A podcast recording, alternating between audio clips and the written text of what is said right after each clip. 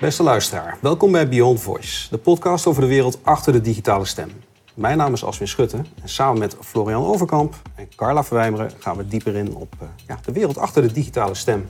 Uh, vandaag hebben we een, uh, ja, kan ik wel zeggen, een speciale aflevering, een leuke aflevering. Het is voor het eerst dat wij sinds de start van deze podcast ja, lijfelijk aanwezig zijn in één ruimte. Dus ik zie nu voor het eerst Carla in levende lijven. Carla, welkom in Enschede. Ja, dankjewel. Mooi om hier te zijn. Ja, en vandaag schuift aan Egon Verharen, manager innovatie lees ik hier, eh, van de Stichting uh, Nederlandstalige Spraakcoalitie. Uh, welkom Egon. Dankjewel voor de uitnodiging. We gaan uh, het hebben over de, ja, de Nederlandse talige spraakcoalitie, een initiatief van de NPO. Dus ja, vandaar de vraag, waarom is deze spraakcoalitie opgericht, Egon? Ja, dat is eigenlijk het gevolg van wat wij hebben geleerd uit een aantal innovatieprojecten die we binnen de publieke omroep hebben gedaan. Toen wij een tiental spraakprojecten hadden gedaan met smart speakers en andere uh, stemgeneratie, kwamen, liepen we eigenlijk tegen een aantal problemen aan. En toen ik daarover ging vertellen in, in Gremia, onder andere een voice lunch die Martin Lance Fitzgerald organiseerde, kwamen we erachter dat steeds meer organisaties eigenlijk tegen dezelfde problemen aan waren, liepen. En wij wilden dus eigenlijk daar iets aan gaan doen wij als partij, ook al zijn we de Nederlandse publieke omroep, zijn toch nog te klein om uh, het dan te ontwikkelen zelf en goed te maken. Maar als je dat met heel veel partijen gaat doen, dan kan je misschien ergens toe komen. Dus toen dachten we van waarom dan niet gaan samenwerken om de ontwikkeling van het Nederlandstalig of technologie op het gebied van Nederlandse taal uh, te verbeteren en te bevorderen. Uh, en daarom zijn we dit toen begonnen en uh, met veel partijen gaan praten over zo'n samenwerkingsverband. En die hebben we de Nederlandstalige Spraakcoalitie genoemd. Ah, oké. Okay. Duidelijk, oké. Okay. Want ja, ik kijk even naar Carla. hoe staat het eigenlijk met de spraaktechnologie op de, hè, de Nederlandse markt? Ja, nou ja, je ziet natuurlijk een enorme groei eigenlijk in het gebruik van spraaktechnologie. En dat gaat over alle kanalen heen. Dus je ziet het in callcenters op dit moment dat het enorm in opkomst is, maar op websites. Uh, ja, eigenlijk uh, in heel veel verschillende kanalen. WhatsApp, je ziet natuurlijk ook jongeren die steeds meer alles inspreken. Ehm, dus je ziet dat daar gewoon een enorme groei is. En ik verwacht ook niet dat die groei de komende jaren gaat stagneren. Want als we kijken naar andere landen, zoals UK en Amerika en ook China, dan zie je eigenlijk dat het daar alleen maar harder gaat. En ook steeds meer toepassingsmogelijkheden daarvoor zijn. Ja, en ik denk dat het wel aardig is, want daarbij ontmoeten die bedrijven natuurlijk allerlei verschillende uh, issues. En Egon, misschien is het wel leuk, uh, want jij hebt daar volgens mij ook een paar mooie voorbeelden van, hè, waar dat dan misgaat en wat we anders zouden willen. Ja, de uitdagingen waar we eigenlijk allemaal tegenaan lopen, zijn samen te vatten in, in drie grote punten. Ten eerste is de kwaliteit van ondersteuning van het Nederlands in al zijn vormen blijft gewoon achter tot nu toe zie je dat we eigenlijk afhankelijk zijn van de ontwikkeling van de grote buitenlandse techpartijen. Um, met welk soort Nederlands je moet praten. Dus op het gebied van mensen die een accent hebben of dialecten en met name spreektalen.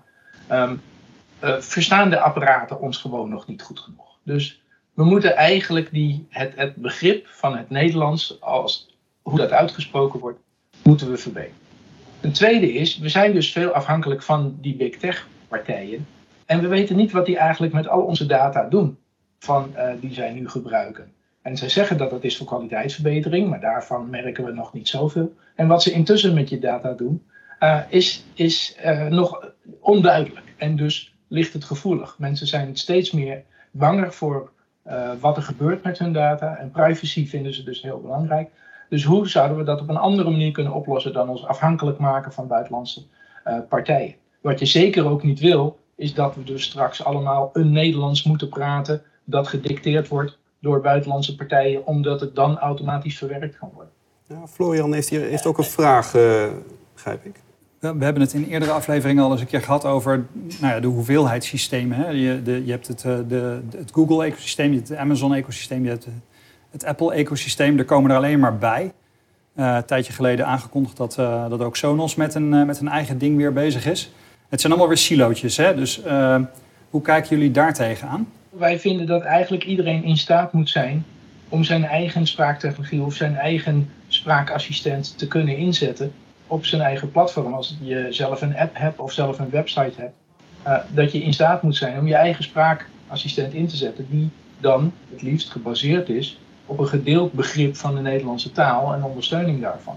Dus dat er shared resources zijn in de akoestische en taalmodellen die we ontwikkelen, die iedereen kan gebruiken in zijn eigen assistenten, daarmee ook niet afhankelijk hoeft te zijn van de assistenten van andere partijen. Tenzij je per se ook aanwezig wil zijn in hun uh, omgeving, op hun devices, ja, dan zal je daar wel een koppeling moeten doen.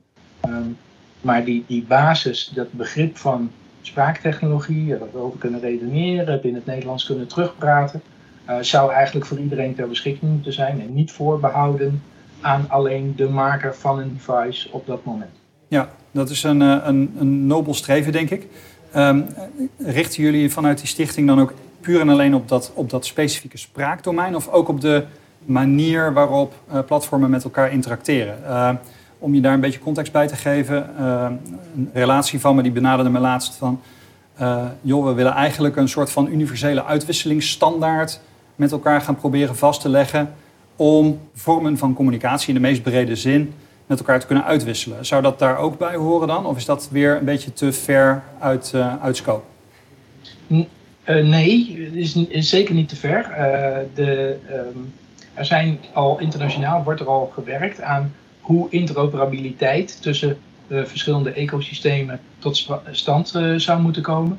Um, we praten hier natuurlijk over, over standaarden, waar wij het wel voornamelijk in eerste instantie in zoeken, uh, is in open modellen die iedereen kan gebruiken, ja, zodat iedereen op dezelfde manier het Nederlands kan begrijpen. Hey, uh, als je interoperabiliteit zegt, dan, uh, dan ben ik helemaal in. Je hebt internationaal het Open Voice Network, hè? dat is met John Stein. En die is ook echt bezig inderdaad om te kijken hoe kan je dat nou ook naar het next level brengen.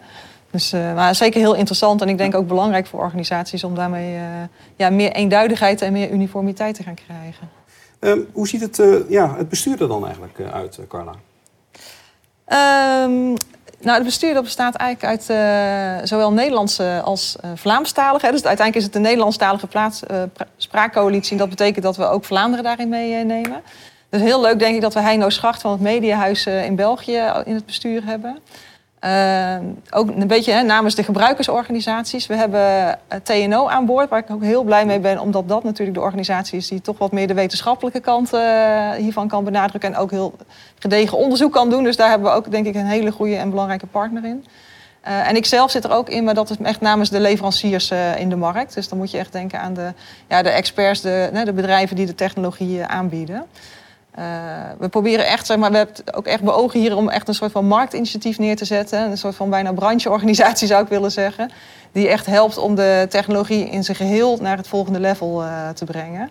En dat betekent, daar is ook van alles voor nodig. Hè? Dus we hebben ook een aantal werkstromen. Want als je, uiteindelijk wil je bereiken zeg maar, dat mensen die spraaktechnologie kunnen gebruiken, bijvoorbeeld, het draagt heel goed bij aan inclusiviteit. We weten dat ouderen die werken met spraaktechnologie, dat die uh, daar heel veel plezier van hebben. Omdat je vaak toch minder savvy bent, digital savvy, als je wat ouder wordt. Hè, van hoe bedien je knoppen? En dan is het heel prettig om heel makkelijk eigenlijk met je, met je stem te kunnen werken. Ja.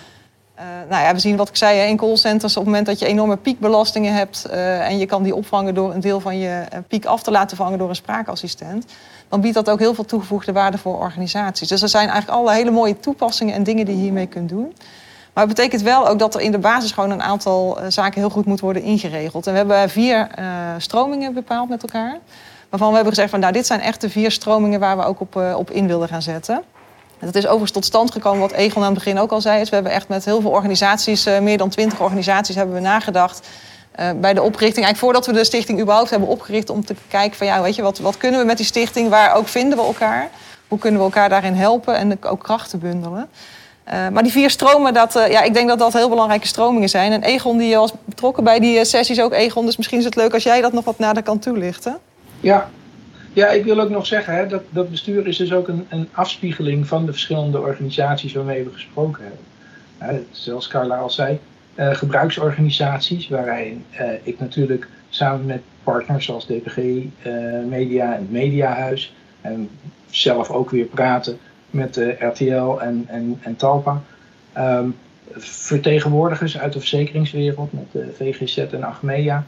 Uh, van publieke diensten als politie en gemeente. De energiesector. Wetenschappers, TNO hebben we als vertegenwoordiger in, in het bestuur, maar we praten ook met de verschillende onderzoeksgroepen in Nederland en andere stichtingen die er in Nederland zijn om het onderzoek te bevorderen. En, en dan de leveranciers. Op die manier heel breed kunnen doen. En dat is dan ook een van de werkstromen. We willen zorgen dat we het vraag en aanbod dat bestaat eh, op de Nederlandse markt. Aan de ene kant leveranciers die diensten leveren en die al bepaalde infrastructuur hebben. En aan de andere kant wetenschappers die hun nieuwe modellen vaak willen kunnen uitrollen. En de gebruikersorganisaties die op zoek zijn naar betere ondersteuning, die willen we bij elkaar brengen. Bij elkaar brengen van vraag en aanbod is dus een van de werkstromen. Begint wel, zoals ik net al steeds zei, bij het ontwikkelen van betere modellen. Waarvan we vinden dat het betere modellen zijn.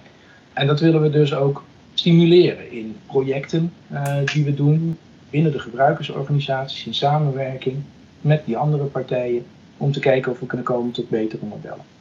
Het is heel belangrijk dat we ook die boodschap naar buiten brengen. Waarom wij dit doen in een goede publiek-private samenwerking. En dat we open zijn, iedereen mag ertoe toetreden. Dat we dit vertrouwd willen doen, met name om tegemoet te komen aan het veilig gebruik van data en rekening houden met de privacy van iedereen. Inclusief dat we het voor iedereen willen doen. Ook met mensen met een spraakwerk en kinderen en ouderen. En mensen die uh, uh, bepaalde dialecten spreken. Um, en vooral ook soeverein. En met soeverein betekenen we niet afhankelijk zijn van anderen. Maar dat zelf als Nederland kunnen doen. En dat betekent dus ook dat we moeten gaan lobbyen richting politiek. En ook de grote techpartijen. Het is niet zo dat we ze willen uitsluiten. We willen ze alleen duidelijk maken dat het beter moet en dat het onder andere voorwaarden moet. Uh, dus die belangenbehartiging is een, is een andere belangrijke werkstroom. En tenslotte willen, willen we alles bij elkaar brengen. Als je die modellen hebt met voldoende aandacht voor het gebruik van de Nederlandse taal en partijen die dat kunnen leveren, kunnen we daadwerkelijk een betere infrastructuur, een spraakinfrastructuur voor het Nederlands, uh, Nederlandstalig spraakgebied, kunnen we gaan opzetten. Oké, nou dat klinkt heel interessant. En ja, als organisatie, of ja, hoe, hoe kun je hier lid van worden? Nou, we hebben uiteraard een website waar je contact kan opnemen: www.spraakcoalitie.nl. Um, ehm, daar vind je meer informatie erover. Daar vind je ook een contactformulier. Zeker als je ook als organisatie geïnteresseerd bent in wat we doen of zelfs wil ondersteunen en erbij aansluiten, kan je ook daar contact met ons opnemen. Nou, geweldig. Egon, hartstikke bedankt voor de informatie. Florian, Carla, nog vragen of is het allemaal duidelijk? Nee, behalve ik denk dat het gewoon een ongelooflijk belangrijk initiatief is voor de markt om eigenlijk alles in zijn geheel verder te brengen. Dus ik ben er ongelooflijk blij mee en ik hoop ook dat we echt hele mooie stappen kunnen gaan zetten met elkaar. Ja, ja ik uh, vind het een supergoed idee. Ik ben heel benieuwd wat eruit uh, uit gaat komen. Nou, geweldig. Nou, dat, uh, bedankt voor, voor je bijdrage. dat was Beyond Voice. En we zien je graag terug bij de volgende aflevering. Carla en Florian, bedankt.